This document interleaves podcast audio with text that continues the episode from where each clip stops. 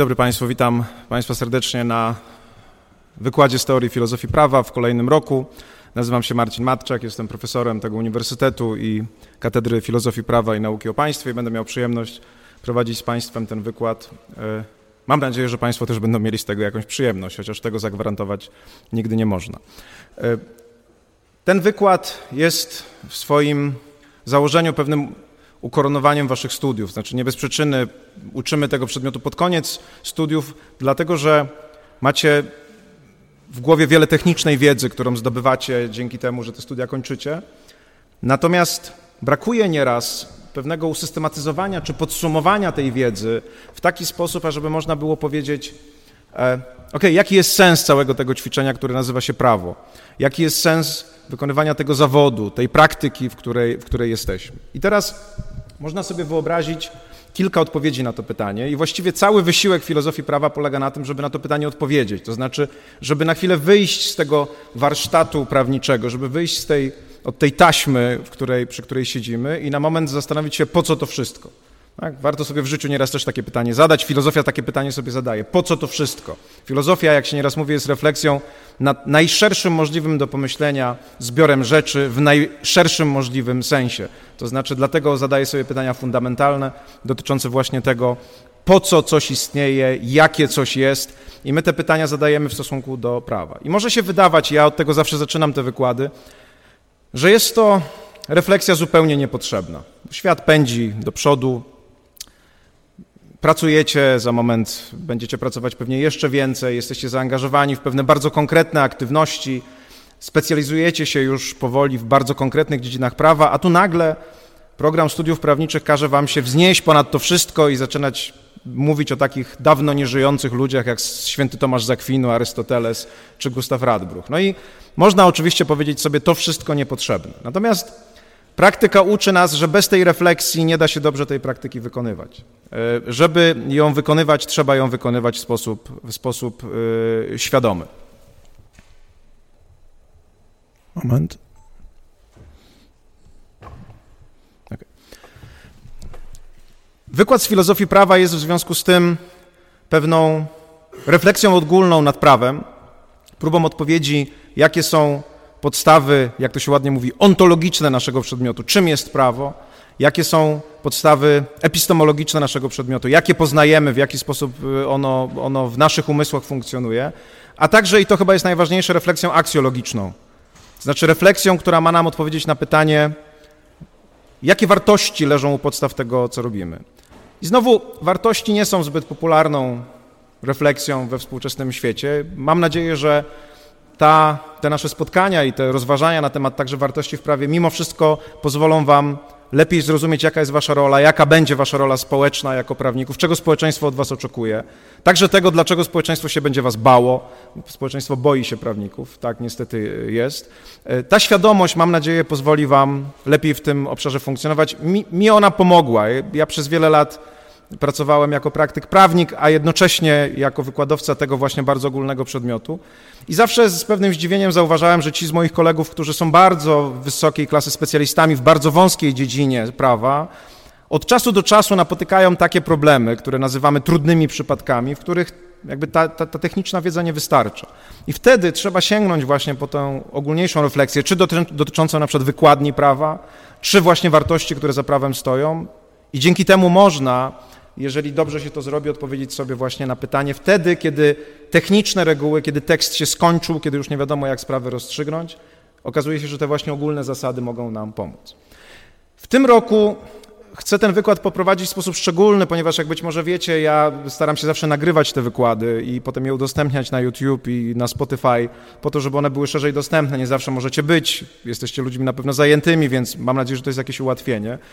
I w sieci jest seria moich wykładów z poprzednich lat, które były prowadzone w pewien sposób. To znaczy one właściwie bardzo konkretnie odpowiadały temu, czego się od was wymaga później na egzaminie, czyli po prostu szły krok po kroku przez pewne idee, czyli nie wiem, zaczynaliśmy od prawa naturalnego, później przechodziliśmy do pozytywizmu prawniczego, później sobie omawialiśmy koncepcję trzeciej drogi. Był to wykład potrzebny, wydaje mi się, dlatego że on na pewno w sposób bezpośredni kontrybuował do, do tego, czego musicie się nauczyć, ażeby zdać egzamin. No ale te wykłady są dostępne i można sobie ich posłuchać, natomiast chciałem wprowadzić w tym roku pewną nowość i pomyślałem sobie, że opowiem, czy przedstawię wykład, który w pewnym sensie jest bardziej osobisty, dlatego że e, będzie to wykład oparty na mojej ostatniej książce, czyli Imperium Tekstu. To jest moja książka, tak zwana książka profesorska, która przedstawia, mam nadzieję, całościową wizję tego, czym jest prawo, jak ono funkcjonuje i, i jak działa. I w ten sposób ta seria będzie z jednej strony osobista, bo ja będę wam mówił o swoich poglądach, natomiast po to, żeby was nie zarazić moim subiektywizmem, oczywiście obiecuję, że będę przedstawiał zawsze te poglądy w taki sposób, że będę mówił jasno, co jest moim poglądem i jakie są przeciwstawne poglądy do takiej wizji prawa, e, a nie innej. Wydaje mi się, że takie podejście jest dobre w tym sensie, że po pierwsze pozwala mi się bardziej zaangażować, bo jednak bronię swoich e, teorii i swoich koncepcji. Z drugiej strony, generalnie przedstawianie idei i wiecie to, jeżeli już pracujecie, a im więcej będziecie pracować, tym wiedzieć będziecie bardziej, polega na tym, ażeby przedstawiać coś nowego, coś swojego na tle tego, co mówią inni. Jest takie, taka stara zasada, że wszystko, co akademicko piszemy, ale także co piszemy jako prawnicy, jeżeli ma dotrzeć do drugiej osoby, musi być zbudowane na takiej zasadzie they say, I say. Znaczy, ludzie mówią jedno, a ja na tym tle mówię coś innego, po to, żeby przez ten kontrast pokazać, dlaczego to jest wartościowe. Kiedy e, piszemy artykuł naukowy, to nikt nie chce czytać o rzeczach, które już wie. W związku z tym trzeba pokazać, wszyscy przedstawiają pewien problem X w sposób następujący, a ja przedstawiam go w sposób oryginalny, nietypowy i dlatego warto mnie przeczytać. Kiedy wasz klient przyjdzie do was po poradę i będzie chciał od was rozwiązania jakiegoś trudnego prawniczego problemu, to nie liczę na to, że jako wysokiej klasy prawnicy przedstawicie mu to, co wszyscy wiedzą, tylko przedstawicie mu jakieś szczególne, szczególnie dobre rozwiązanie. I wtedy też ta struktura they say, I say, wszyscy mówią, wszyscy doradzają, ażeby zrobić tak, a ja uważam, że to można zrobić inaczej, jest dobra, dlatego że z jednej strony pokazuje, dlaczego jesteście oryginalni, ale z drugiej strony wasz klient, czy na przykład student, który też jest oczywiście klientem, bo tutaj przyszedł po to, żeby coś uzyskać, może lepiej ocenić, czy ten ktoś ma rację. Bo jeżeli ja po prostu mówię o tym, co wiem i nie przedstawiam alternatyw, no to wtedy w pewnym sensie dokonuję jakiejś takiej cenzury, bo przedstawiam tylko swoje, a nie mówię o innych. I nie możecie ocenić, na ile to, co ja mówię, jest sensowne w świetle tamtych innych rzeczy. Tak samo klient, któremu doradzacie, że ma zrobić to, nie wie, czy to jest na pewno dobra porada, bo nie może jej porównać. Jakąś, można powiedzieć, uczciwością intelektualną jest to, żeby pokazać, ok, to mówią ludzie, a to mówię ja, dlatego że na wszystkich, dla wszystkich jest to wygodniejsze. Mi pozwala pokazać, na ile to, co mówię, jest oryginalne, wam pozwala ocenić, na ile to jest lepsze albo gorsze od tego, co mówią inni. W związku z tym zamierzam w tym roku przedstawiać tak naprawdę pewne główne idee tego mojego imperium tekstu, e, a jednocześnie na tle tych idei mówić o tych filozofach, których, których znajomości będzie się od was wymagało na egzaminie. Czyli na przykład, jeżeli będę mówił o swojej wizji języka prawnego i prawniczego, no to będę mówił także o tym, jak język prawniczy widzi Herbert Hart czy Ronald Dworkin. Kiedy będę mówił o tym, dlaczego prawo musi mieć pewien, pewien, pewien charakter, pewien, można powiedzieć, pewnego rodzaju treść konieczną, to będę mówił o Lonie Fullerze. Kiedy będę mówił o tym, czy prawo jak się prawo ma do moralności i czy moralność jest elementem prawa koniecznym, czy też prawo może być niemoralne albo amoralne, to w sposób naturalny będę mówił właśnie o świętym Tomaszu czy o Radbruchu. I mam nadzieję, że to Wam pozwoli, jak powiedziałem, zestawić sobie te rzeczy i ze sobą je, je, je porównać. Pozwólcie, że powiem Wam kilka słów na temat w ogóle zamysłu tej książki. Ta książka ma tytuł Imperium tekstu, prawo jako postulowanie i urzeczywistnianie świata możliwego. I właściwie można by było cały wykład poświęcić na sam tytuł, tak? To jest często w filozofii. Ten tytuł Imperium tekstu jest nawiązaniem do słynnej książki Ronalda Dworkina, jednego z najwybitniejszych filozofów prawa XX wieku, nieżyjącego już, zmarłego chyba w roku 2013, który napisał, którego główne dzieło jest zatytułowane Laws Empire, czyli Imperium Prawa. I to, że ja zatytułowałem swoją książkę w sposób podobny Imperium Tekstu jest oczywiście jakimś nawiązaniem, bo nie ukrywałem nigdy, że ta, to podejście dworkinowskie, podejście Dworkina, któremu poświęcimy sporo czasu tutaj do prawa, jest mi bliskie. Jest to pojęcie bardzo holistyczne, bardzo całościowe. Dworkin nie jest pozytywistą, nieraz się mówi, że on jest filozofem ducha prawa, to znaczy oprócz litery, oprócz przepisów widzi przede wszystkim zasady, które prawo scalają i jest także bardzo mocno zainteresowany interpretacją prawniczą. Mówi, że to jest serce tego, na, na czym prawo polega. Czy jest jakiś komunikat wysłany przez prawodawcę, jest jakiś tekst I naszą rolą jako prawników jest zrozumieć i zaaplikować ten tekst. Więc imperium tekstu pokazuje, że z jednej strony ta myśl dworkinowska, której będziemy poświęcali sporo tych wykładów, jest mi bliska.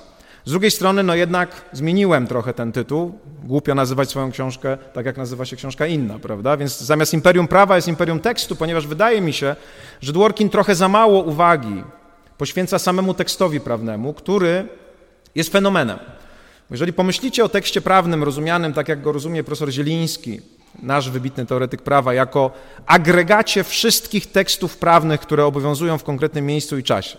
Musicie sobie wyobrazić setki, jeżeli nie tysiące ustaw, setki, tysiące rozporządzeń, oczywiście konstytucje, przepisy prawa e, ponadnarodowego i gdybyście złożyli je w jedną księgę, to byłaby to największa książka, jaką mamy. Tak, miałaby pewnie z kilkaset tysięcy stron.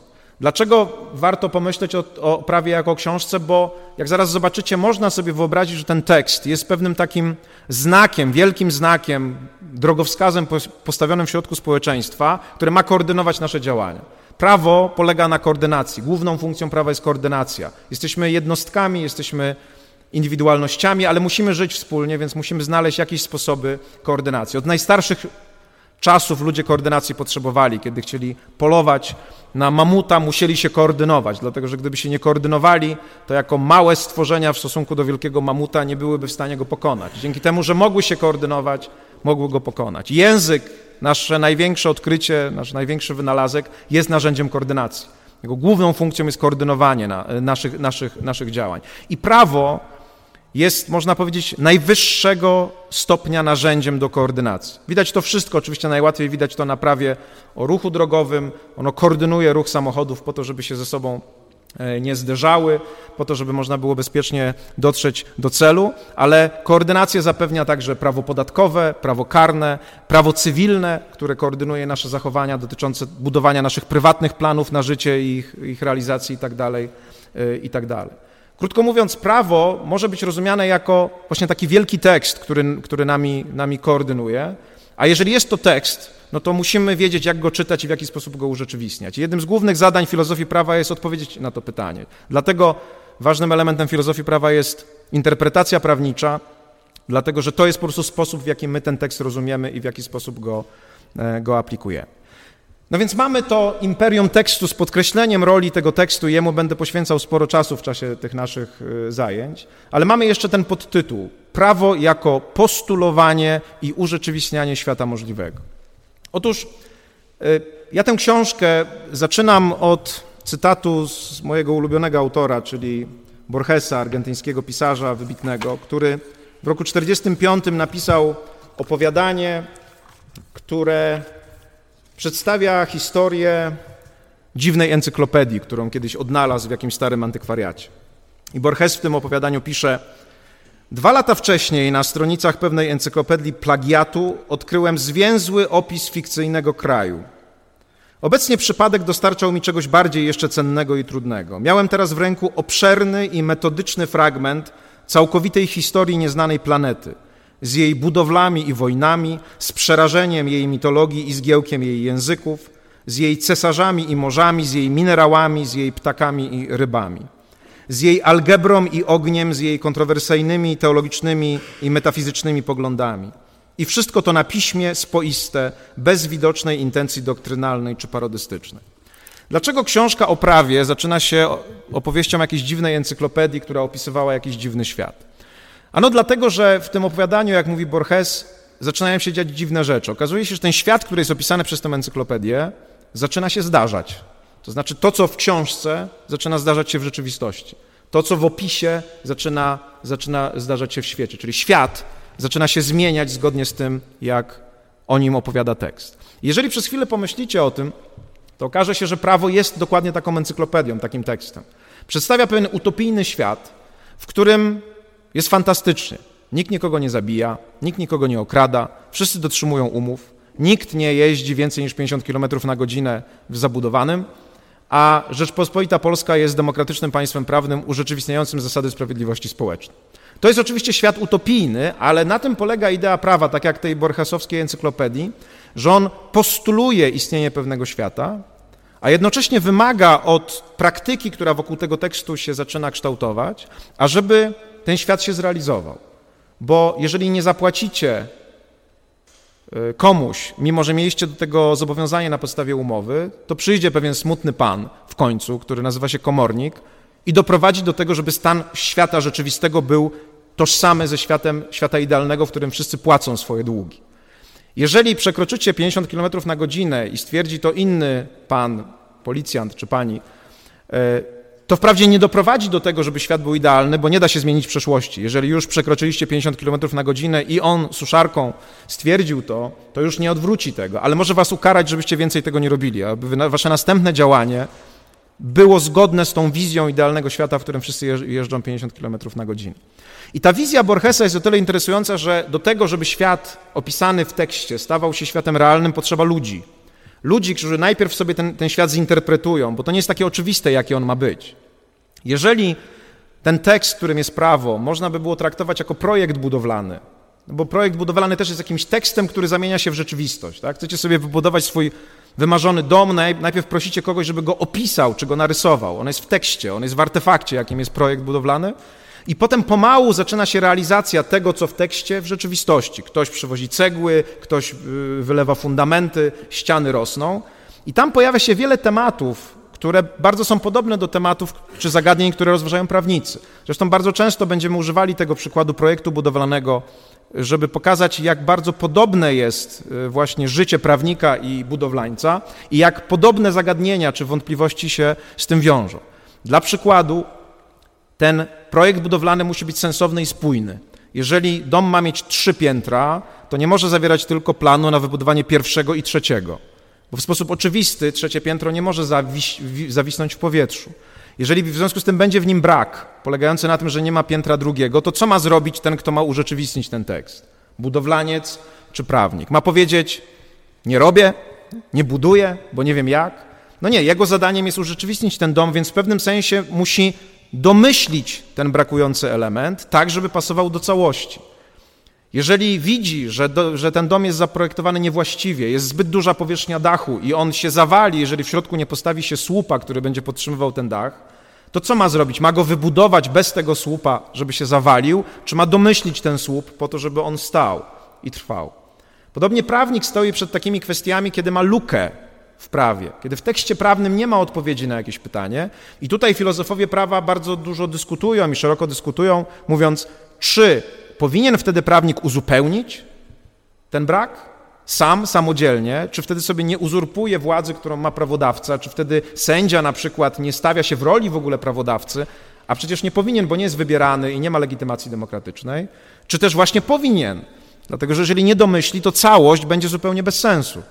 Tak? Będzie realizował jakiś świat, w którym po prostu jest wielka dziura, czegoś brakuje i ten świat nie będzie mógł sensownie, sens, sensownie funkcjonować. I to, to są zagadnienia, które tylko brzmią teoretycznie. Wiecie, kiedy popatrzy się na przykład na wielkie porażki prawa w ostatnich latach, na przykład na aferę reprywatyzacyjną, która polegała na tym, że ktoś był odpowiedzialny za zastosowanie prawa, zarówno w aspekcie administracyjno-prawnym, pewnych decyzji administracyjnych, które były wydane, związane z, z, z reformą rolną, jak i później prawa cywilnego dotyczące własności, ktoś to źle zrobił. Prawdopodobnie zrobił to źle prawnik, który stosując to, to, prawo, a więc dostosowując rzeczywistość do tego, do, do, do, tego tekstu wielkiego, zapomniał, że w tym tekście oprócz technikaliów są też takie kwestie jak zasada sprawiedliwości, są prawa konstytucyjne, że jest po prostu ludzka godność, która przez te decyzje następujące w wyniku tych działań została naruszona.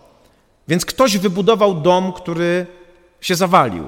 Dlatego, że nie domyślił, nie, nie odnalazł tych dodatkowych rzeczy, które tam były potrzebne i to nie ustało. I oczywiście to, i to była katastrofa. Tak jak katastrofa budowlana jest katastrofą, tak samo to była katastrofa, która powoduje, że, że ludzie przestali ufać i prawnikom, i prawu, no bo co to za prawo, które powoduje, że ludzie są wyganiani i wyrzucani na bruk po to, żeby ktoś mógł zarobić? To, są, to, to, to jest dokładnie taka sama sytuacja. Ktoś nie domyślił, nie w sensie wykreowania, stworzenia, tylko odnalezienia tego elementu w tym wielkim projekcie, który pozwoliłby, który pozwoliłby temu przeciwdziałać.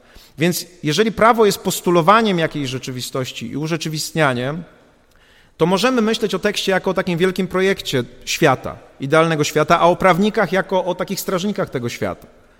Z, całym, z pełnym zrozumieniem, że nie my go tworzymy, że tworzy go ktoś inny, tworzy, tworzy go suweren, tworzą, tworzą go ludzie, bo oni wybierają swoich przedstawicieli po to, żeby te teksty powstawały i to tam ma następować transmisja wartości ludzkich do tego projektu, a my mamy to tylko odtworzyć. Ale ten przykład z, bud z budynkiem, który może się zawalić, pokazuje, że nasza rola nie jest wyłącznie rolą odtwórczą.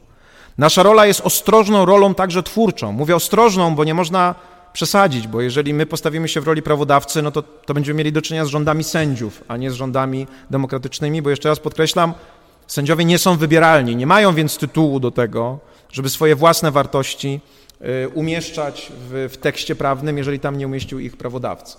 Zobaczcie, że to pokazuje ciekawą rolę prawnika, bo to pokazuje rolę prawnika, który jednocześnie musi być wstrzemięźliwy, bo służy komuś, tak? służy jako narzędzie interpretacji i przekazania tego, co w tekście ktoś inny napisał.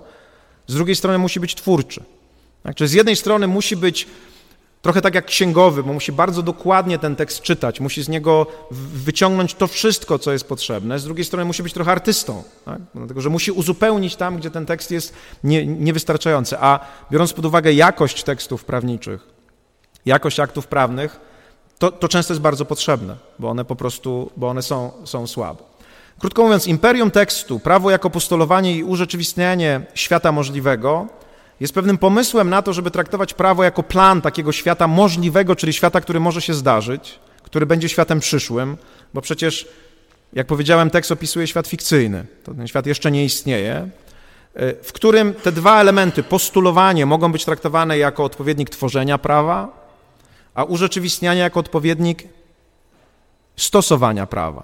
Pomiędzy nimi jest interpretacja, bo ten tekst, ten znak musi być zrozumiany, przetworzony przez jakieś głowy i następnie na tej podstawie musi być zastosowany i tam się dzieje bardzo dużo. Natomiast na tym to ma, na tym to ma polegać. Więc ta książka przedstawia taką właśnie wizję, ale jak mówię, to nie jest wizja całkowicie obca. Pewne jej elementy się pojawiają, bo jeżeli ta książka mówi o postulowaniu, to trzeba zadać sobie pytanie, jak dochodzi do tego, że my w ogóle postulujemy ten świat? Kto go postuluje? Jak na przykład wygląda postulowanie świata możliwego przez prawo w systemie autorytarnym czy totalitarnym, gdzie tak naprawdę ten świat postuluje jeden człowiek albo wąska grupa? Jak to wygląda w świecie, który jest światem demokratycznym, w którym postuluje to grupa, czy, czy naród, czy suweren? Jakie tam mechanizmy zachodzą, ażeby to było możliwe? Jak to się dzieje, że ten cały mechanizm związany na przykład z wyborami pewnej opcji politycznej, w której ktoś głosuje na lewicę, ktoś głosuje na prawicę, ktoś głosuje na centrum, gdzieś tam na końcu y, spotyka się w parlamencie i gdzieś tam podejmuje się jakąś decyzję, o ten tekst będzie teraz dla nas tekstem fundacyjnym, tak, bo uchwalamy konstytucję, albo ten tekst będzie dla nas tekstem, który ma koordynować nasze działania. Jak to się dzieje? Kiedy jest dobrze, a kiedy jest źle? Tak? To, to będą pytania, które będziemy sobie zadawali. Tak? Czy jest różnica, czy jest różnica pomiędzy tym, czy ważne rzeczy, czy ważne decyzje dotyczące naszego życia podejmowane są w drodze w parlamencie, czy podejmowane są w sądzie? Oczywiście, że jest różnica. Ostatnio mieliśmy doskonały przykład takiej, takiej różnicy, mianowicie słynną decyzję Trybunału Konstytucyjnego dotyczącą aborcji. To było coś dziwnego w, wiel, w, szerokim sensie. Będziemy o tej decyzji rozmawiać jako pewnym przykładzie, którym prawdopodobnie, albo, albo nawet na pewno coś poszło nie tak z tą transmisją wartości. Dlaczego to było możliwe? Dlatego, że w normal...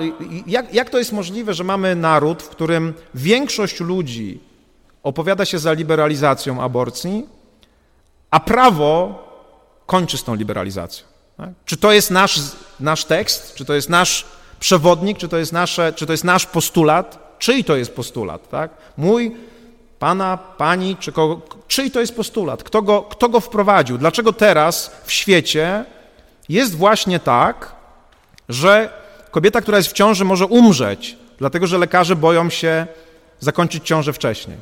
Dlaczego tak jest? To jest rzeczywistość. To, to jest bardzo brutalna rzeczywistość, która dzieje się, dlatego że zmieniony został tekst.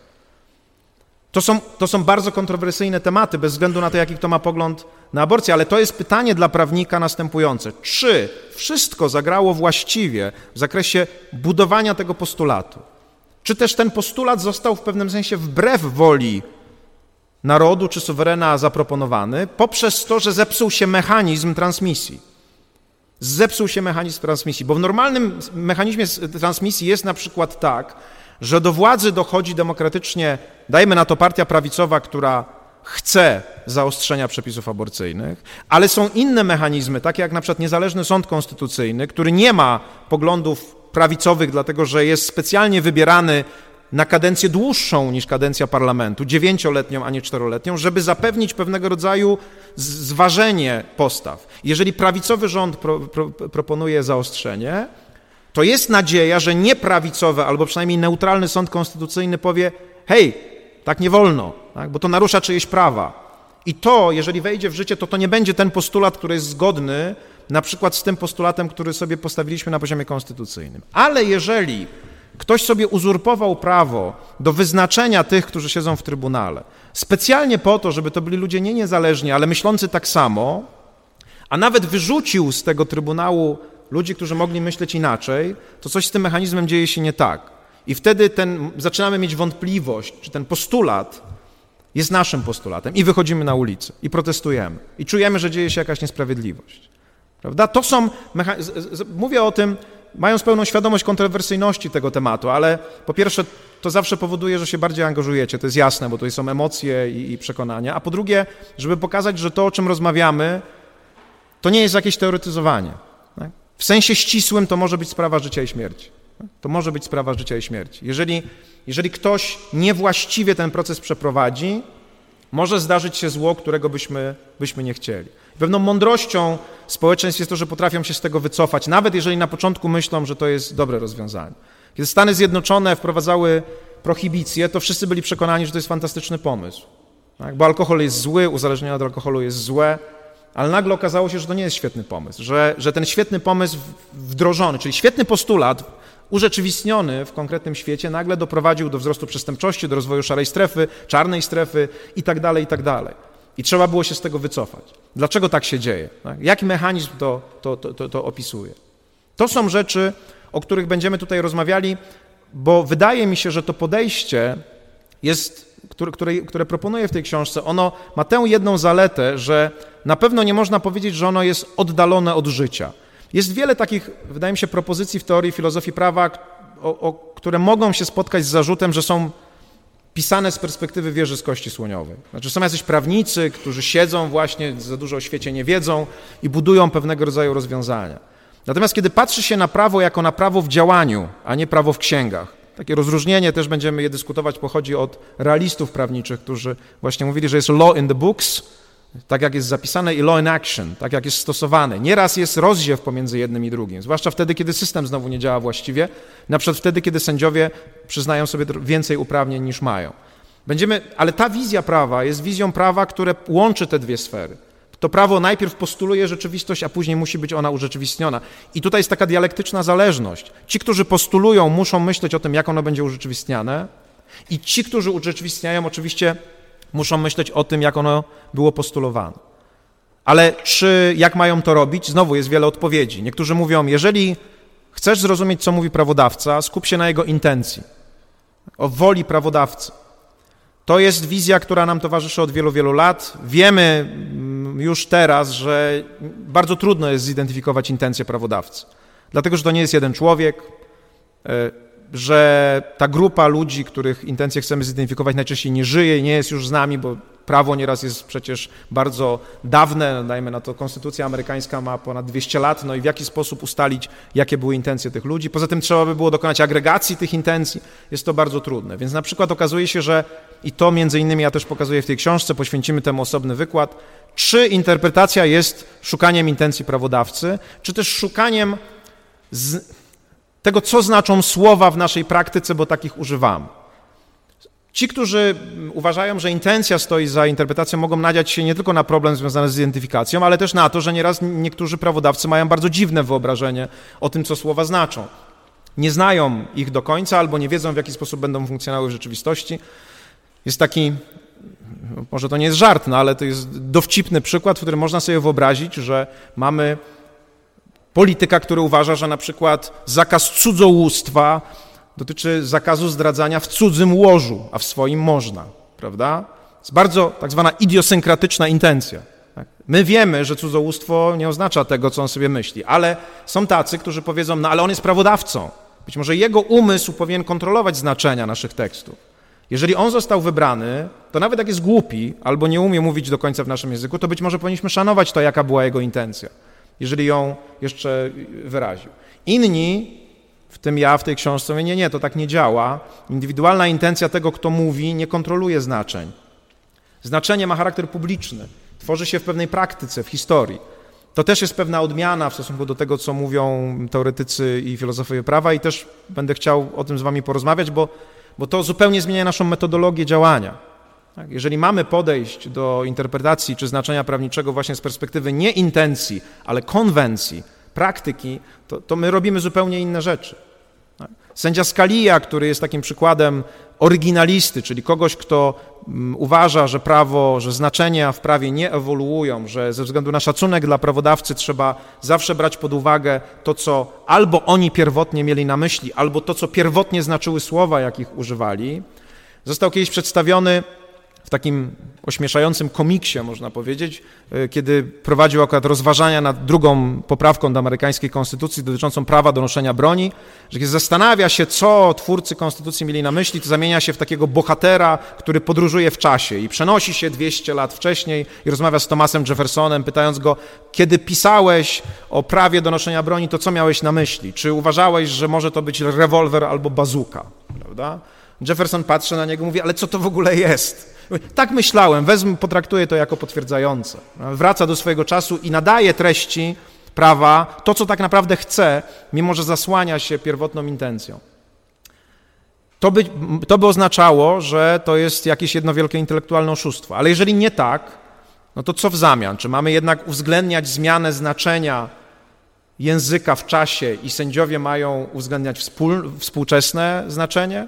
Jeżeli dostęp do nieruchomości w latach 60., dajemy na to w Tatrach, e, pieszy, czyli taki, którym można przejść z plecakiem, był wystarczający dla prowadzenia działalności gospodarczej, a teraz nie jest, dlatego że wszyscy chcą dojechać samochodem, to czy sąd ma uwzględnić zmianę w rozumieniu dostępu do nieruchomości z tej starszej dostępu pieszego na nowszą dostępu samochodowego? Mamy orzeczenie Sądu Najwyższego, które mówi tak.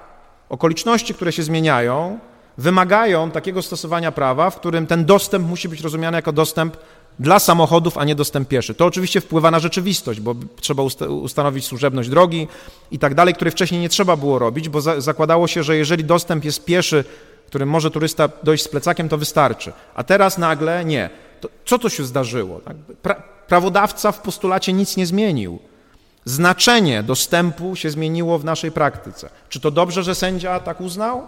Czy powinien jednak, tak jak Scalia, wrócić do lat 60. i tam prawodawcę zapytać, czy uważałeś, że dostęp powinien być dostępem samochodowym, a nie pieszym?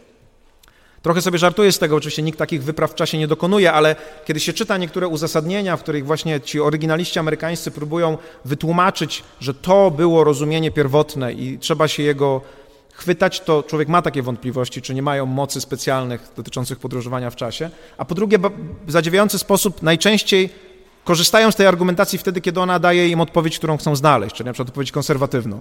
Natomiast wtedy, gdyby ta odpowiedź nie pasowała, to już tacy oryginalistyczni nie są. O tym, czy znaczenie ewoluuje i czy prawnicy mają je brać pod uwagę, też oczywiście porozmawiamy w czasie tych naszych spotkań i mam nadzieję, że to będą dla Was ciekawe dyskusje. Być może w Polsce nie jest to znowu aż tak bardzo istotne, chociaż no, nasza konstytucja też już ma trochę lat. Tak? I od 97 roku też się sporo zmieniło. Tak? Nie było jeszcze iPhone'ów na przykład, prawda? W związku z tym nie było kart kredytowych. E, no może niektóre były, ale tak rozpowszechnionych. W związku z tym powstają pewne pytania dotyczące tego, czy e, kradzież z włamaniem to jest tylko kradzież, w której ktoś wywala drzwi i po prostu rozwala safe w domu, który na pewno wszyscy macie. E, czy też na przykład włamanie na konto po to, żeby stamtąd wziąć pieniądze, w sensie wirtualnym jest też kradzieżą z włamaniem. To też są zagadnienia, które sądy muszą rozstrzygać, bo od tego zależy to, jak potraktuje się daną rzeczywistość i w jaki sposób się ją e, ukaże, tak? w sensie kary, a nie ukazania. To są pytania, które, które będziemy sobie tutaj zadawali i mam nadzieję, że one będą dla was, dla was interesujące. I mam nadzieję, że po przejściu przez te główne tezy tej książki zobaczycie, że że prawo jest pewnym racjonalnym narzędziem koordynowania naszych rzeczywistości i że oczywiście powoduje wiele kontrowersji, wiele nieporozumień, ale jednym z moich celów w tym wykładzie jest także to, żeby trochę was uczulić na to, w jaki sposób społeczeństwo patrzy na was jako na prawników, bo macie, macie władzę niewątpliwie bardzo dużo. Tak? Możecie decydować właśnie o czyimś życiu, o, majątku, jeżeli na przykład jesteście sędziami e, czy prokuratorami, o czyjejś wolności. To, są, to, to jest ważna sprawa. Tak? Nawet jeżeli będziecie pracowali w sektorze prywatnym tak zwanym, będziecie doradzać przedsiębiorcom, to, to przecież też będziecie o czymś decydować. Ktoś do was będzie miał zaufanie, jego pieniądze, jego majątek, sytuacja jego rodziny będzie od was zależna. Wydaje mi się, że trzeba mieć dużą świadomość tego i pewną także pokorę związaną z trudnością tego, e, tego, tego zadania. I dlatego jednym z elementów będzie także skupienie się na tej roli prawnika. Nie tego, który postuluje tak bardzo, tylko tego, który interpretuje i wdraża. Czyli tego budowlańca, który musi jakoś odpowiedzieć na projekt, który dał mu architekt i określenie tych granic, ile wolności, ile związania, ile podległości prawodawcy, a ile dyskrecjonalności w zakresie wprowadzania jakichś pewnych, pewnych swoich rozwiązań. To będą tematy, o których też będę chciał z Wami tutaj porozmawiać i mam nadzieję, że, że one będą dla Was interesujące. Natomiast jest jeszcze jeden element, któremu chcę poświęcić drugą część tego wykładu, mianowicie element, który wydaje mi się niezwykle ważny z perspektywy prawa jako nauki. To, że prawo jest uczone na uniwersytecie, zakłada, że ono nie tylko jest pewną praktyczną czynnością. Oczywiście my My na nie tak patrzymy. No, prawo jest pewną praktyką. No, są adwokaci, są radcowie prawni, notariusze, sędziowie, prokuratorzy, którzy coś robią. Jest pewnego rodzaju zachowaniem, jest pewnego rodzaju działaniem, ale refleksja nad tym działaniem chce być refleksją naukową. I teraz, kiedy ja pisałem tę książkę, to to dla mnie nie było jeszcze takie jasne. Natomiast dopiero po jej napisaniu, często tak jest, że najlepsze pomysły przychodzą dopiero jak się skończy, uświadomiłem sobie, że jest jeszcze jedna możliwość patrzenia na, na to, jak to prawo działa, i ten pierwszy wykład chciałbym mm, w tej drugiej części temu poświęcić. Mianowicie, wiecie, kiedy popatrzycie na uniwersytet i w ogóle na naukę, to znacie mm, podział, który jest już obecny w waszych głowach od szkoły średniej na nauki humanistyczne i na nauki ścisłe. Prawda? Wybieracie jakieś profile, ktoś się bardziej specjalizuje w jednym, ktoś się bardziej specjalizuje w drugim pewnym sensie autorem tego podziału jest niemiecki filozof Wilhelm Dilthey, który, który jako pierwszy zaproponował właśnie pojęcie nauk humanistycznych, nazywając je Geisteswissenschaften, czyli nauki o duchu i Naturwissenschaften, czyli te, te, te nauki o, o, o naturze, o świecie, powiedzmy, fizycznym. I teraz od Dilteja właściwie następuje coraz większy taki podział pomiędzy tymi naukami. One się rozjeżdżają w tym sensie, że zakłada się, czy myśli się, że, że te nauki o naturze, nauki ścisłe, utrzymują pewien poziom obiektywizmu w analizie rzeczywistości.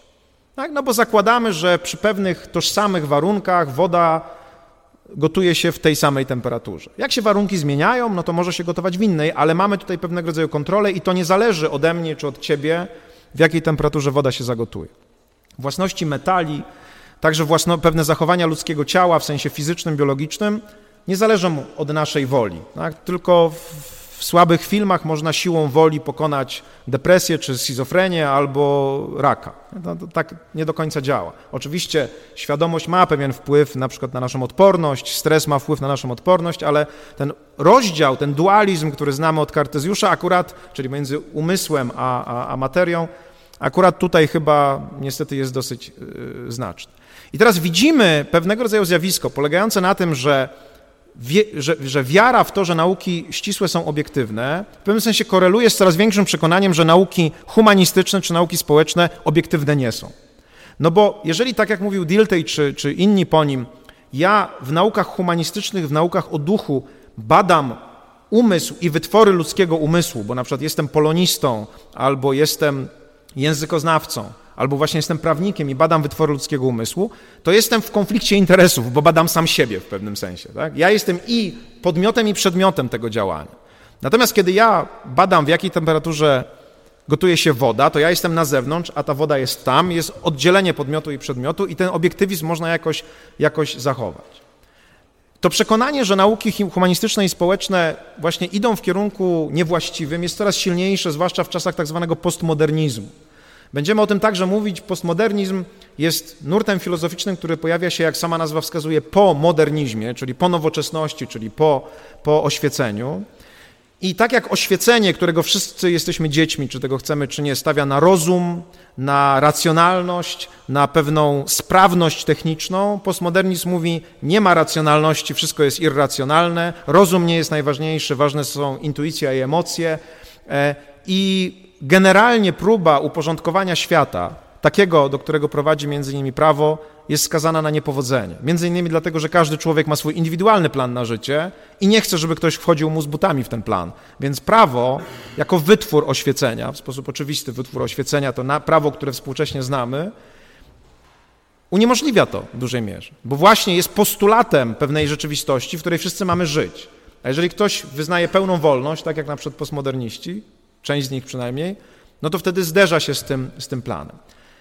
Jeżeli pójdziemy za tym myśleniem postmodernistycznym, które między innymi podważa to, że język może mieć identyfikowalne znaczenie, w tym sensie, że każda interpretacja jest równoważna, to trochę tak, jakbyście w szkole średniej interpretowali wiersz i właśnie nauczyciel powiedziałby wam, jest tylko jedna prawidłowa interpretacja tego wiersza.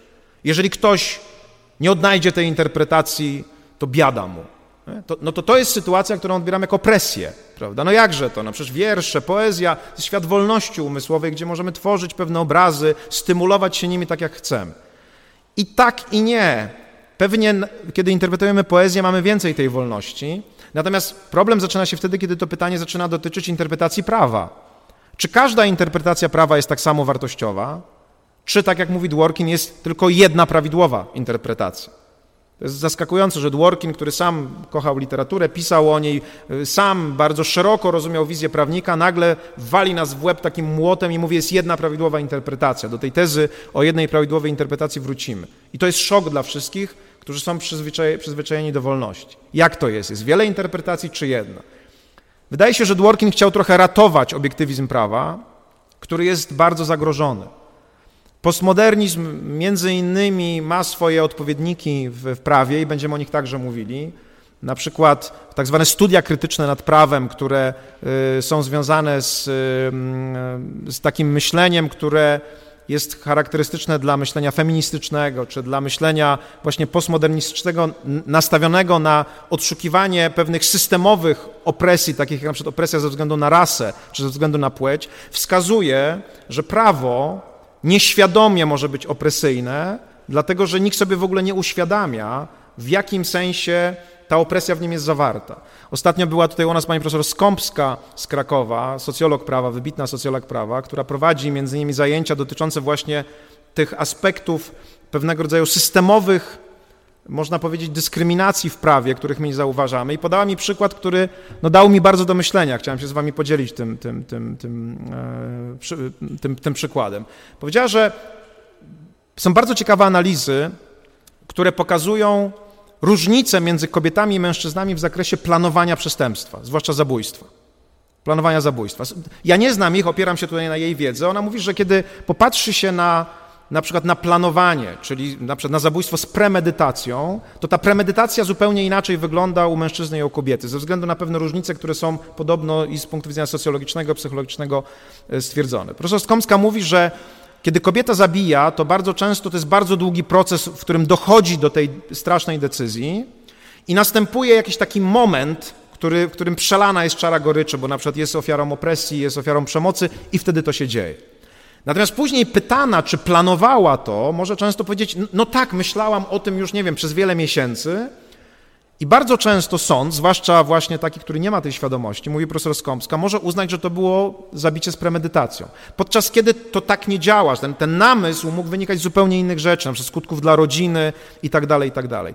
U mężczyzny to planowanie wygląda inaczej i też ten, ten, ten, ten moment, w którym następuje to triggerowanie tak zwane, które, które spowoduje zabójstwo, też wygląda inaczej.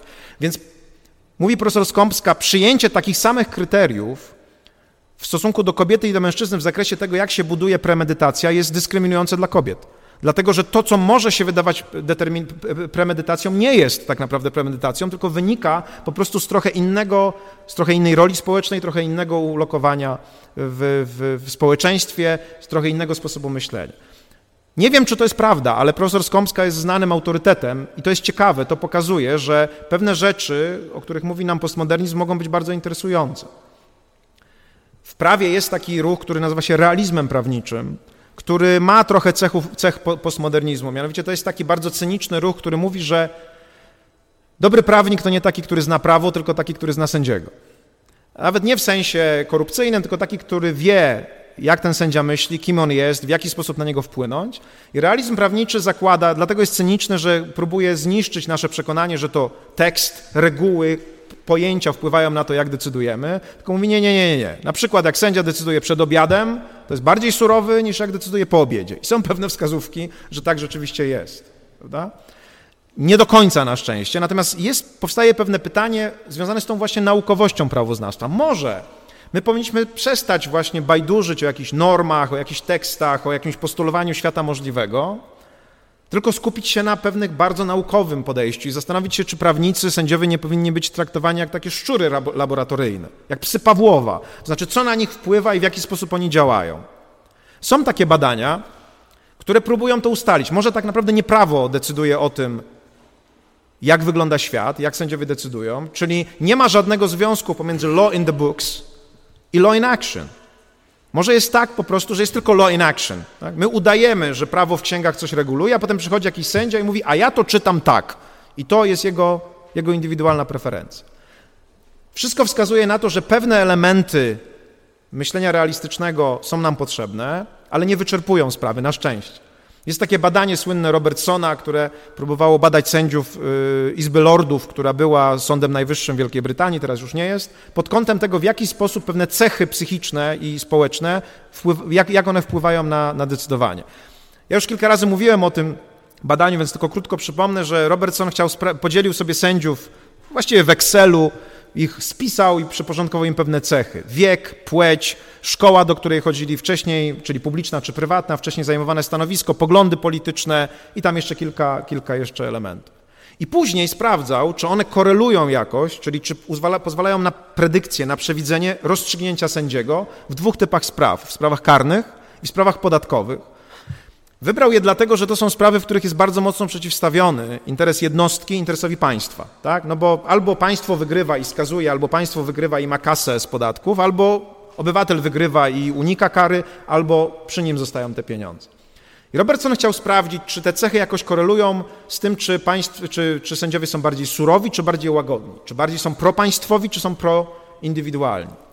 I to badanie daje ciekawe bardzo ciekawe e, efekty, dlatego że zobaczcie, jeżeli realiści prawniczy mają, mają rację, ci cynicy prawnicy, prawniczy mają rację, to, to, to właściwie powinno być tak, że te cechy powinny bardzo mocno korelować.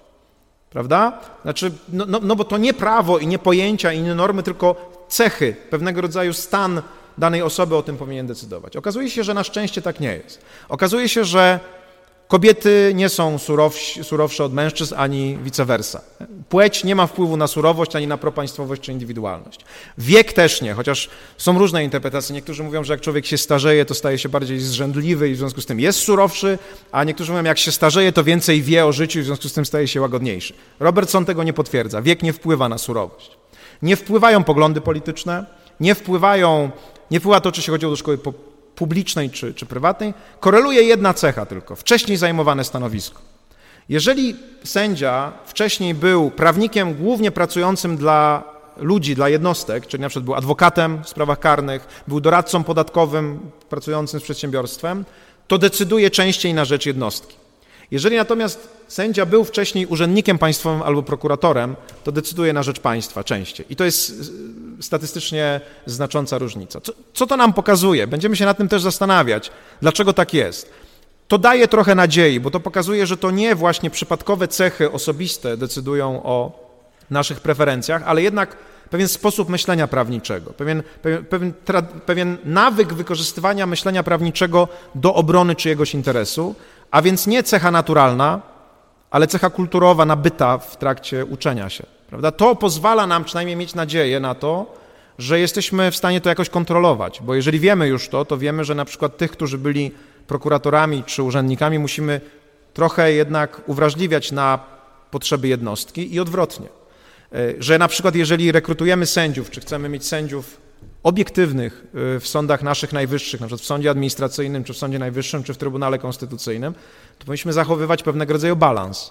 To znaczy, byłoby świetnie, gdyby tam byli zarówno ludzie z tradycją pracy dla państwa, jak i ludzie z tradycją pracy dla jednostek. Złą informacją dla Was, jeżeli zamierzacie prowadzić działalność gospodarczą, jest to, że większość sędziów w polskich sądach administracyjnych są byli urzędnicy. A większość nie sędziów w Izbie Dyscyplinarnej, teraz, teraz już nie, ale w Izbie Dyscyplinarnej to byli byli prokuratorzy.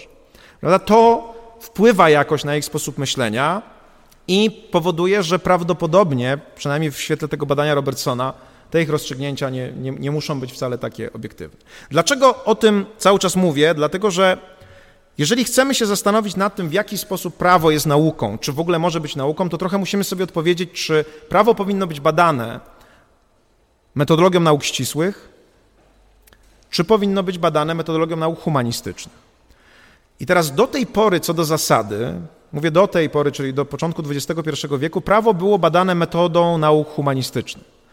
Można powiedzieć, że to jest taka metoda hermeneutyczna. Że to jest metoda, która zakłada pewną introspekcję, wgląd w siebie, próbę zrozumienia drugiego człowieka przez symbole, którym się posługuje, przez tekst. I generalnie uważa się, że ona nie jest zbyt obiektywna. No bo właśnie jeżeli ja próbuję ocenić pewne zjawiska na podstawie wglądu w siebie, no to raczej to nie jest ogląd pozytywny, yy, obiektywny, tylko to jest ogląd subiektywny. Jeżeli interpretuję tekst, który, jak nam mówią postmoderniści, może mieć wiele różnych znaczeń, no to też trochę trudno powiedzieć, że tutaj mamy do czynienia z obiektywizmem. Krótko mówiąc, to między innymi poleganie na metodzie hermeneutycznej doprowadza do takich momentów, w których na przykład Brian Leiter, wybitny przedstawiciel naszego, naszego, naszej dyscypliny, mówi, w ogóle skończmy z tym wszystkim. Trzeba prawo znaturalizować, czyli trzeba wprowadzić natural, natu, naturalizowane czy, czy metodologię charakterystyczną dla nauk ścisłych. Zwróćcie uwagę, że część przedmiotów, które kiedyś były kojarzone z naukami humanistycznymi, czy kojarzone z, mm, powiedzmy, z taką refleksją właśnie nad duchem, bardzo mocno się naturalizuje. Psychologia jest na przykład taką dyscypliną. Kiedyś Freud czy Jung no, po prostu pisali o snach, prawda, interpretowali je na różne możliwe sposoby. Teraz pewnie by doktoratu nie zrobili z psychologii, bo już jak ktoś pisze magisterkę z psychologii, tam musi być mnóstwo statystyki, badania empiryczne dotyczące reakcji, bardzo rygorystyczna metodologia i ducha się próbuje uwięzić w tej metodologii i go tam jakoś zobiektywizować. I jest takie marzenie po stronie prawników, między innymi Leitera, żeby prawo też się stało taką, taką dyscypliną. To znaczy, żebyśmy właśnie może poszli za głosem tych realistów. Z czego to się bierze? Bo zobaczcie, Czym się różni głównie metodologia, co wyróżnia głównie tę metodologię naturalistyczną, która jest charakterystyczna dla fizyki na przykład, czy dla chemii? To jest tak zwane wyjaśnienie mechanistyczne. Wyjaśnienie mechanistyczne jest najbardziej intuicyjnym wyjaśnieniem. Przyczyna poprzedza skutek. Tak? Są jakieś warunki, z których wychodzimy, na przykład temperatura, w której znajduje się woda, i w związku z tym mamy skutek w postaci tego, że wrzenia, prawda? Prawa fizyki są zbudowane na zasadzie przyczyna-skutek. To znaczy jest coś, co powoduje i jest jakiś efekt. I to, to, to, jest oczywiste.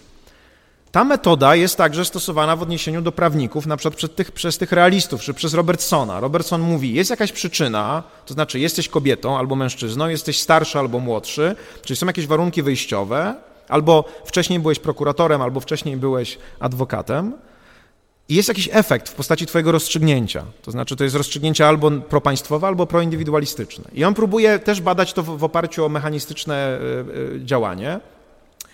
I to wynika z tego, że, jak mówię, na, nauki ścisłe są na nim oparte.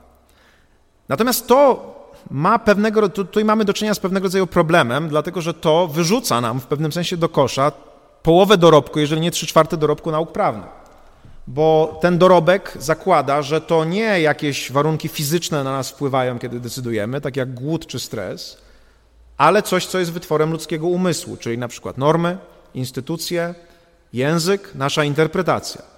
Więc nagle stajemy tutaj przed wielkim dylematem, bo z jednej strony mamy poczucie jako naukowcy, powiedzmy tak, że chcielibyśmy prawo badać obiektywnie, chcielibyśmy je zobiektywizować, tak żeby była na przykład miara dobrej interpretacji. Żebyśmy mogli powiedzieć, Pana interpretacja jest zła, a Pani interpretacja jest dobra.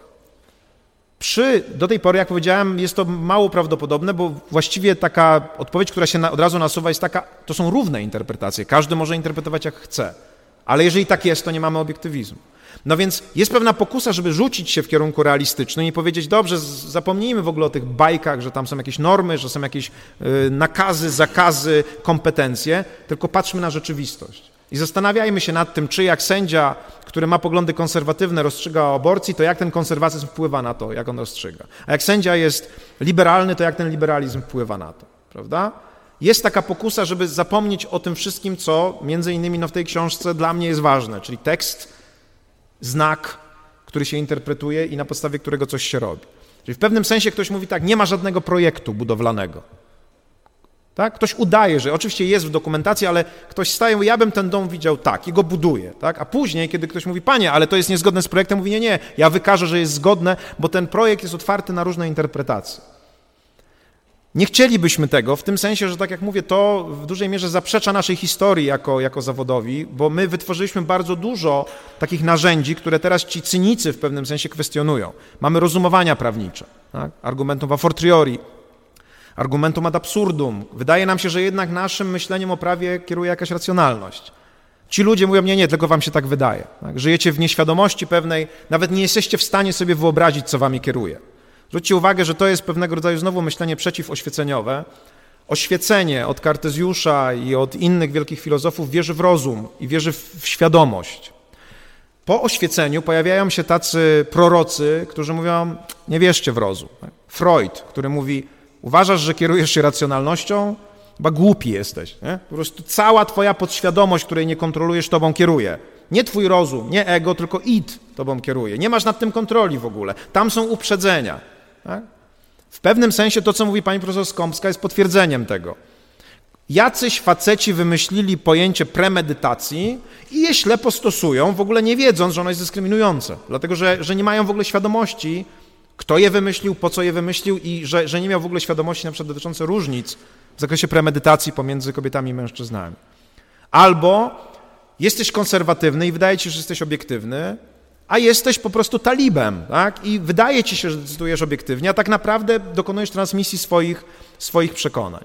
Tak mówią, tak mówią realiści prawniczy, prawda? Marx, który mówi, wydaje się, że to, co na powierzchni, prawda, Państwo kapitalistyczne to jest w ogóle super sprawa, prowadzi do rozwoju, do dobrobytu, a pod spodem toczy się walka klas, nie? tak naprawdę uciemiężenie, opresja, napięcie, które musi wybuchnąć tak? i musi w ogóle to wszystko zniszczyć. Tak? Nietzsche, który mówi, jest religia, która daje nam spokój, a tak naprawdę jest religią słabych, jest tak naprawdę wymyślona po to, żeby słabi czuli się lepiej ze swoją słabością. Tych trzech wielkich filozofów, Marx, Freud i, i Nietzsche, to są zabójcy zabójcy oświecenia. Tak? Oni mówią, to nie rozum decyduje i oni mówią, patrzcie głębiej. Tak? I stąd się rozwija ta krytyczna myśl pod adresem prawa, co wami tak naprawdę powoduje. Nie wiem, czy wiecie, że największym postmodernistą i największym spadkobiercą niczego Marksa i Freuda jest Jarosław Kaczyński. I mówię tu z pełnym szacunkiem do niego, dlatego że Jarosław Kaczyński studiował teorię prawa na tym uniwersytecie. Nie wiem, czy robi to świadomie, ale jego przekonanie, że tak naprawdę nie tylko jego, jego wyborców, że prawo, które stworzyła Trzecia Rzeczpospolita, nie jest prawem sprawiedliwym, jest tylko narzędziem opresji i narzędziem ukrycia pewnych interesów, które się tam gdzieś, yy, ludzi, którzy się dogadali, czyli na przykład zapewnienia braku odpowiedzialności komunistom po to, żeby mogli przejąć majątki i żeby się ustawili w nowych warunkach, jest wizją postmodernistyczną, ewidentnie. Ona mówi to, co na powierzchni, to jest tylko przykrywka dla tego, co się kłębi pod spodem. I to jest myślenie, które mówi, trzeba z tym skończyć. Tak? To nie normy decydują, tylko ludzie. Tak? W związku z tym nie, nie wierzymy w to, że konstytucja ma niezależną treść. Jak nie pasuje nam, to konstytucja jest zła, a jak nam pasuje, to jest dobra. Ja mówię o tym nie w sensie politycznym, tylko żeby pokazać, że to myślenie jest widoczne wszędzie. Trump na przykład podobnie myśli o prawie. Tak? Uważa, że prawo jest wykorzystywane jako przemoc w stosunku do niego, a nie jest pewnym rozumem zbiorczym, które ma koordynować działania, że jest naginane i jest wykorzystywane po to, żeby, żeby atakować. Wielokrotnie tak było w historii, że ruchy autorytarne i totalitarne traktowały prawo właśnie jako narzędzie władania jakiejś siły, którą musiały zniszczyć, dlatego atakowały prawo. To wszystko, jak myślę, słyszycie z tego, co mówię, no, nie jest zbyt obiecujące. Chociażby dlatego, że to oznacza, że ja kompletne głupoty napisałem w tej książce, tak? że jest jakiś tekst, który ludzie interpretują w miarę racjonalnie i na jego podstawie coś robią. Wielu ludzi powiedziałoby, panie, w ogóle nie tak, to nie tak. Jest, jest tekst, tekst sobie, a rzeczywistość sobie. Tak? Prawo w księgach sobie, a prawo w działaniu sobie. Ja mam nadzieję, że nie ma całkowitego rozdziewu pomiędzy tymi, tymi dwoma obszarami i da się to w jakiś sposób ze sobą powiązać. I między innymi o tym chcę mówić. I dlatego zastanawiam się teraz już po napisaniu tej książki, czy ja nie jestem w stanie, czy my nie jesteśmy w stanie jednak znaturalizować prawa, nie rezygnując z całego tego dorobku, właśnie tego, że instytucje, normy, słowa, tekst jest ważny. Czy jesteśmy w stanie stać się bardziej obiektywni w naszym myśleniu o prawie, ale jednocześnie nie popadając w ten taki cynizm, że to właśnie stres, głód przed obiadem, albo poglądy polityczne, albo inne cechy indywidualne decydują. Czy, czy można uratować w pewnym sensie oświecenie w prawie, tak? Prze, że jest w tym jakaś racjonalność, jest jakiś rozum. I wydaje mi się, że mam taki pomysł i o tym też będę chciał wam powiedzieć y, w czasie tego, tego, tego, tych rozważań. Otóż powiedziałem wam, że nauki ścisłe posługują się wyjaśnieniem mechanistycznym, że najpierw jest przyczyna, a później jest skutek. Natomiast są takie nauki ścisłe, które odwracają te sekwencje. I to jest całkowicie, wydawałoby się, nieintuicyjne. Mianowicie oprócz naturalizmu fizykalnego, takiego, który jest widoczny właśnie w fizyce czy, czy w chemii, mamy jeszcze naturalizm biologiczny. I naturalizm biologiczny jest inny, dlatego że zamiast wyjaśniania mechanistycznego stosuje inny rodzaj wyjaśnienia, które nazywa się bardzo strasznie wyjaśnianie anizotropowe, ale ta nazwa nie jest taka istotna. Ale jaka jest różnica? Mianowicie naturalizm biologiczny stawia absurdalną, wydawałoby się, tezę, że przyczyna może być późniejsza niż skutek. Że przyczyna może być późniejsza niż skutek. I to by się wydawało zupełnie bez sensu, ale nie jest. Są przynajmniej dwie teorie naukowe, jedna akurat chemiczna, druga biologiczna, która według takiego czegoś wyjaśniają świat. Mianowicie jest kinetyczna teoria gazów, która nie jest w stanie powiedzieć, jakie są wyjściowe cechy albo jakie są konkretne kroki, w których cząsteczki gazu gdzieś tam zawarte będą się poruszały, ale wie, jaki będzie ostateczny stan, to znaczy do jakiego stanu zostaną te cząsteczki doprowadzone.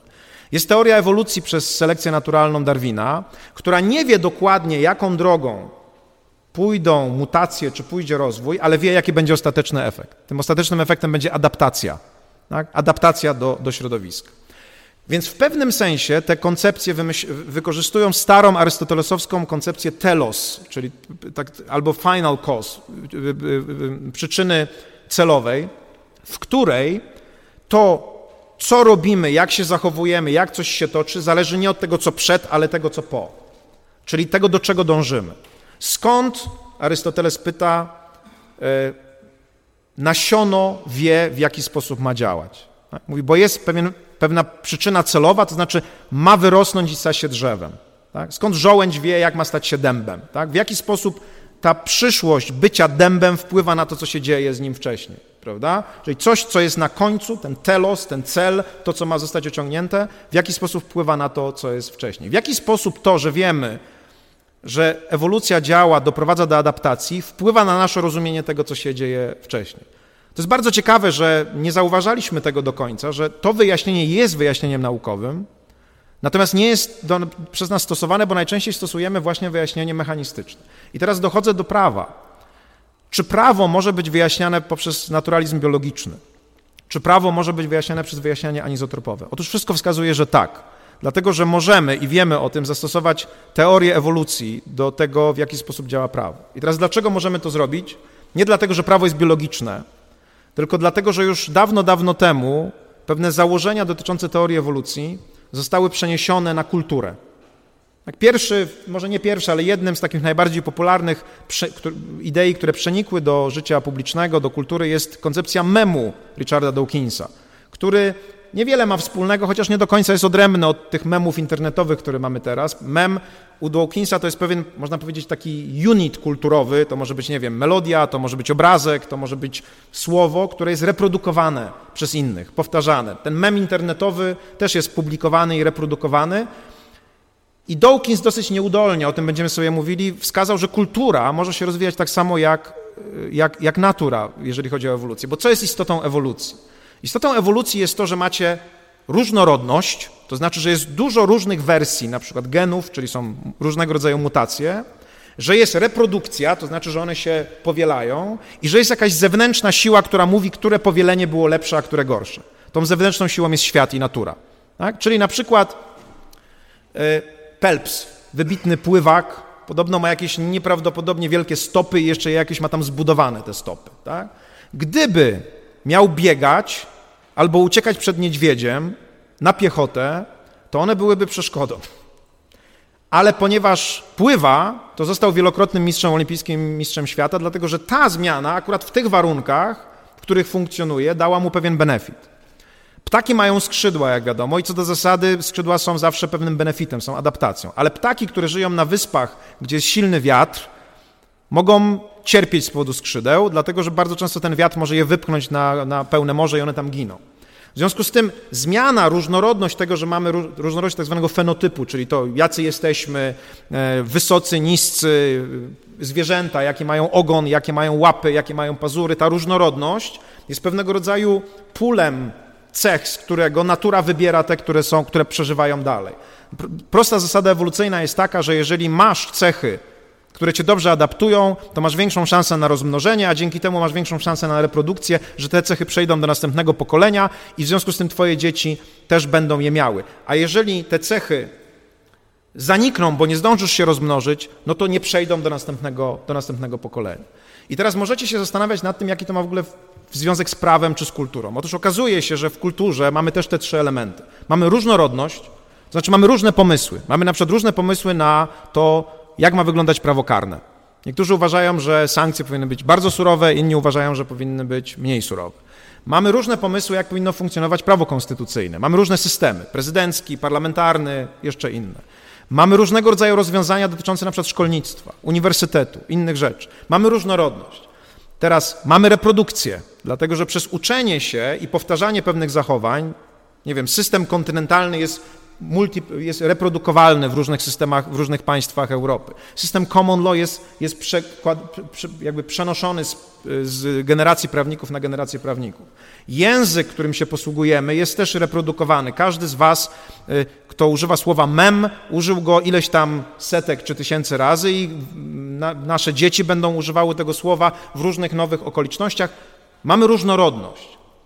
Teraz mamy różnorodność i reprodukcję. Czy mamy jakąś siłę zewnętrzną, która nam mówi, które z naszych reprodukcji były sensowne i które powinny przeżyć, a które nie? Tak, dlatego że jeżeli ja używam języka w sposób precyzyjny, właściwie nazywam świat, a ty masz predyspozycję do tego, żeby właściwie te moje słowa interpretować, to ja i ty mamy większą szansę na koordynację, a więc mamy większą szansę także na przeżycie. Zaczynając od naszego mamuta, bo będziemy mieli co jeść, kończąc na jeżdżeniu samochodem, bo nie zginiemy w wypadku samochodowym.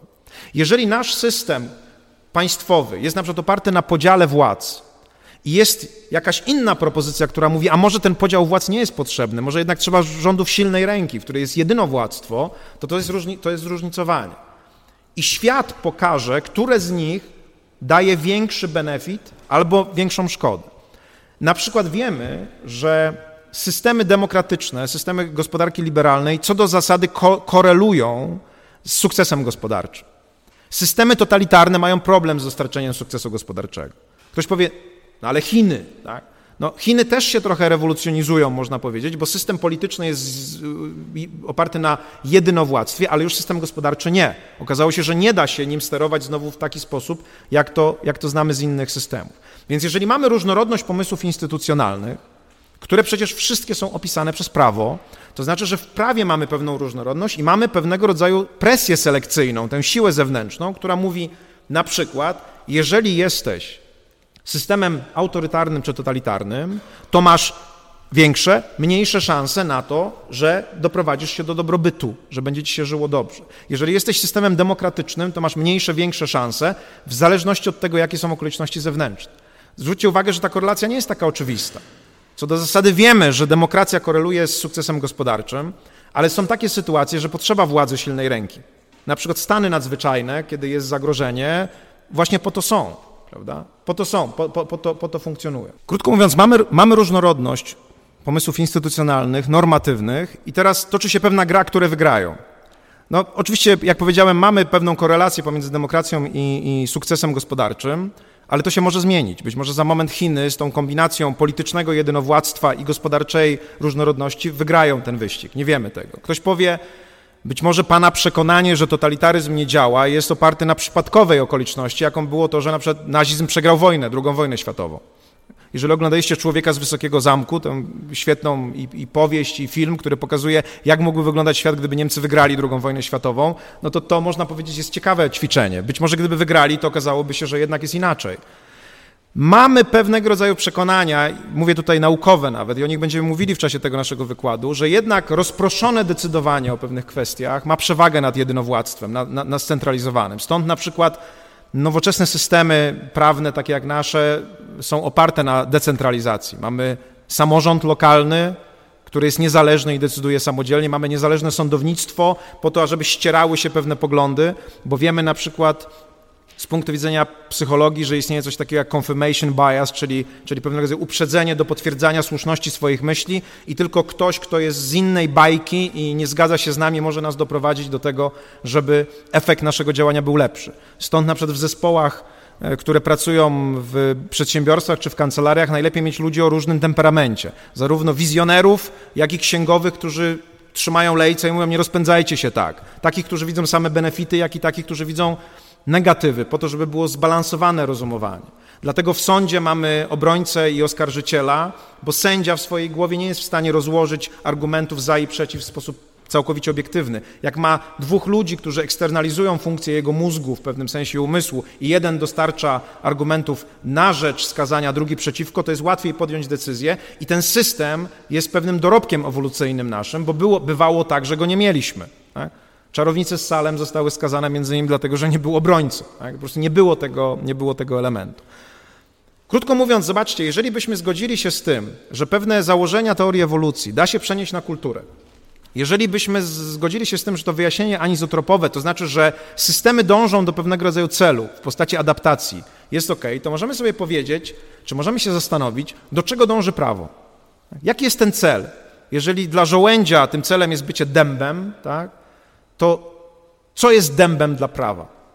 Co jest dębem dla prawa? Co, co podlega jak gdyby selekcji? Tak? Co jest dobre w rozumieniu ewolucyjnym, co jest złe w rozumieniu ewolucyjnym? Wszystko wskazuje na to, i tutaj wielokrotnie będzie się ta pani pojawiać, że Ruth Garrett Millikan to jest filo, filozofka amerykańska, która jest moim zdaniem absolutnym geniuszem filozofii, porównywalnym swoją, swoim wpływem do Kanta, tylko ludzie jeszcze tego chyba nie widzą, mówi, że wytwory naszego umysłu mogą być traktowane w kategoriach biologicznych. Język, pojęcia, reprezentacje mentalne, intencje. One są w nas, dlatego że one nam pomagają funkcjonować. To, w jaki sposób my posługujemy się pewnym pojęciem, może być lepsze albo gorsze. Nasze pojęcia mogą być lepsze albo gorsze. Popatrzcie, kiedyś pojęcie równouprawnienia nie obejmowało osób czarnych, nie obejmowało kobiet. I wszyscy żyli w przeświadczeniu, że to jest ok. Nawet kiedy ktoś zaczął to kwestionować, to była obawa, że to zdestabilizuje społeczeństwo. Oczywiście nic takiego się nie okazało. Okazało się, że zmiana naszego pojęcia równości, po to, żeby było bardziej inkluzywne, włączało te osoby, dało benefit społeczeństwu, uruchomiło aktywność tych ludzi, tak? ich, ich myślenie, ich kreatywność stała się elementem wspólnotowym, bo wcześniej na przykład nie mogli pełnić pewnych funkcji, a później mogli pełnić te funkcje. Więc może być nieraz tak, że nasze pojęcie jest złe albo dobre w rozumieniu ewolucyjnym. Zwróćcie uwagę, że spory o pojęcia są sensem w ogóle pracy prawników. Czy spór o aborcję tak naprawdę nie jest sporem o pojęcie życia? Tak? Kiedy ono się zaczyna? Czy spór o o, o związków jednopłciowych czy małżeństw jednopłciowych nie jest sporem o pojęcie małżeństwa, czy istotą małżeństwa jest zdolność do posiadania potomstwa, czy ochrona intymności i relacji między ludzi, ludźmi.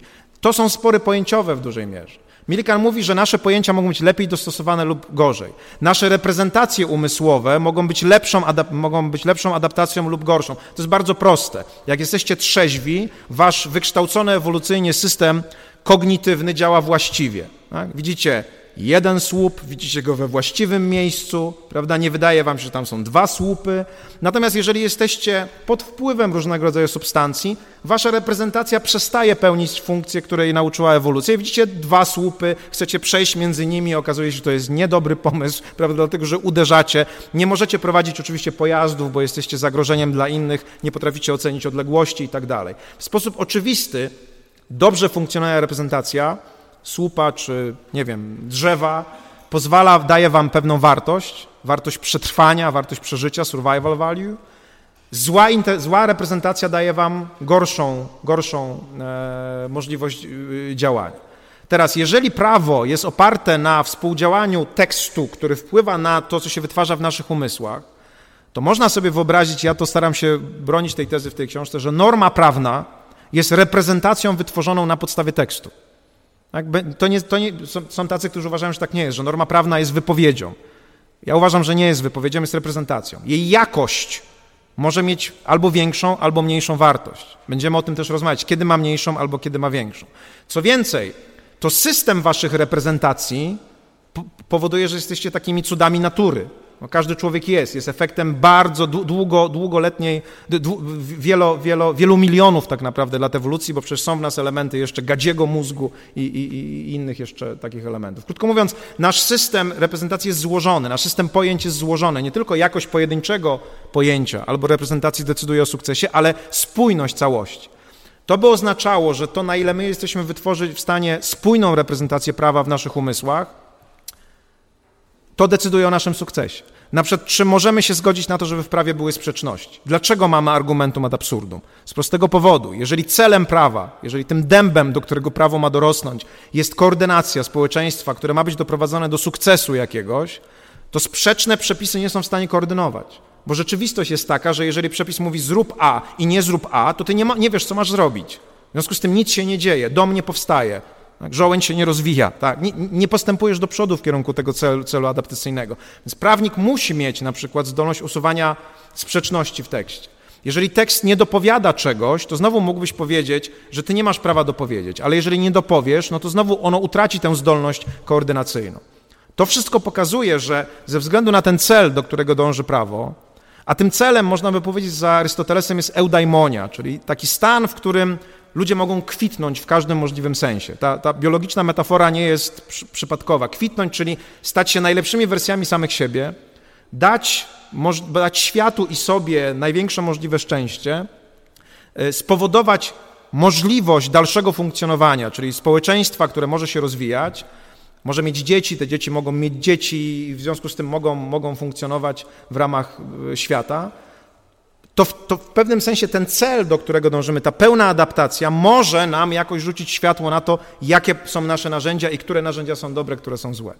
Oczywiście my nie do końca wiemy, co da nam szczęście albo co nie da nam szczęścia. Ktoś może powiedzieć, a jak będziemy się za bardzo rozmnażać, to świat umrze, bo będzie przeludnienie e, i, i w związku z tym nie damy rady funkcjonować. Nie jest to jasne, o tym też będziemy rozmawiali, jak ocenić. Okazuje się, że na przykład polityka jednego dziecka, która w Chinach została wprowadzona, jak wiecie, w pewnym momencie, była, była oparta na takim właśnie rozumieniu, że jeżeli będziemy mieli zbyt dużo ludzi, to ich nie wykarmimy, coś się złego stanie.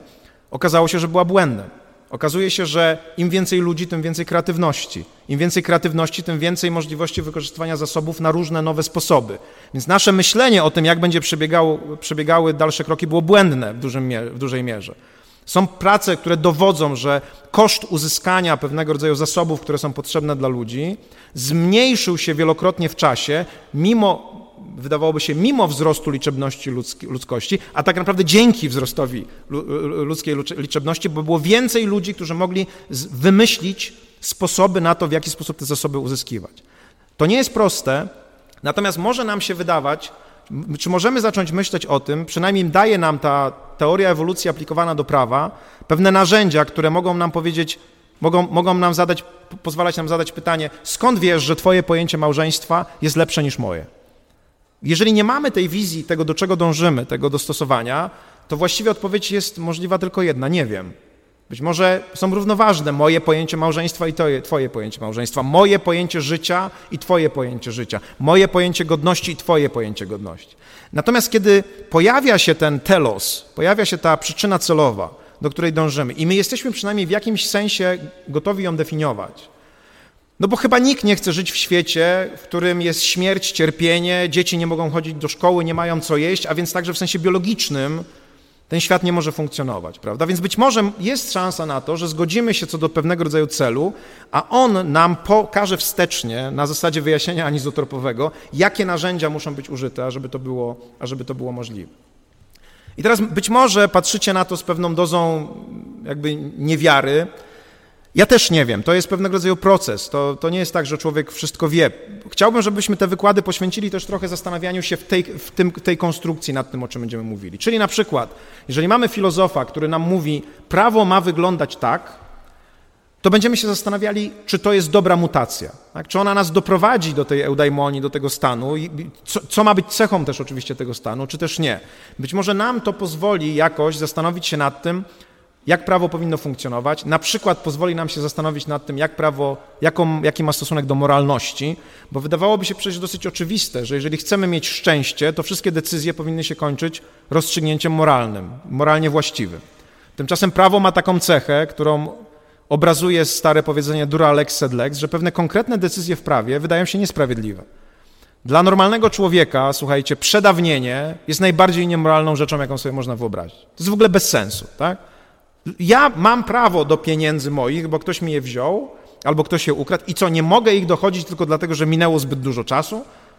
Dlaczego on ma je zatrzymać, prawda? To jest zupełnie niemoralne. My wiemy, jako prawnicy, mam nadzieję, że się zgadzamy, że to w pewnym sensie jest konieczne. Terminy zawite dla ludzi, którzy mają rację i się spóźniają z apelacją o jeden dzień, są niemoralne.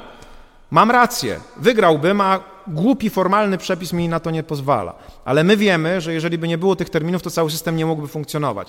Więc paradoksalnie, żeby osiągnąć ten stan idealny, musimy się godzić na pewnego rodzaju indywidualne niesprawiedliwości.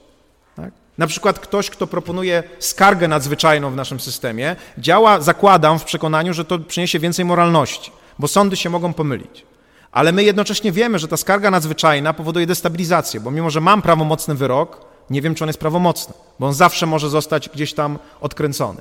Czy większy zysk polega na tym, systemowy, że mam narzędzie korygowania niesprawiedliwości lokalnie, czy na tym, że mam niestabilność systemową?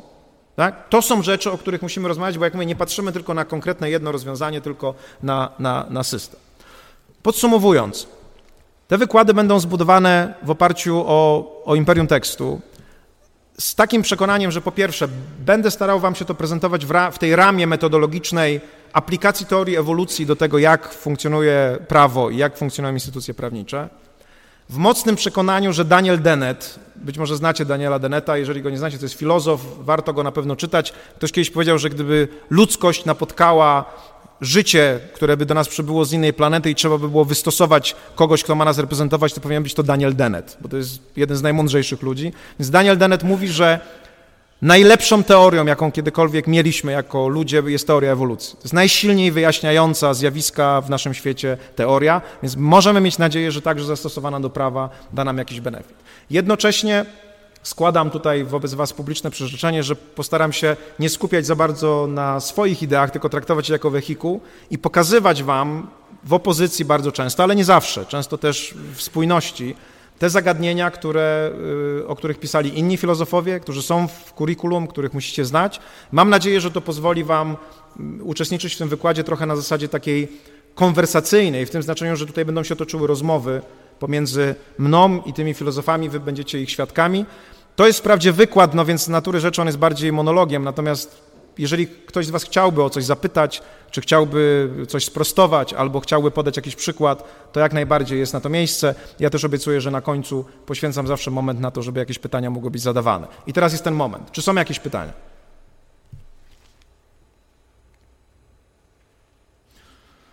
To nie jest dobry prognostyk. bo nigdy nie wiadomo, czy po prostu było tak bez sensu, że nikt nic nie zrozumiał, czy po prostu było tak oczywiste, że nikogo do niczego to nie zmobilizowało. Składam to na karp tego, że się widzimy po raz pierwszy, więc jest pewna nieśmiałość, która jest naturalna, którą mam nadzieję będziemy mogli e, przezwyciężyć.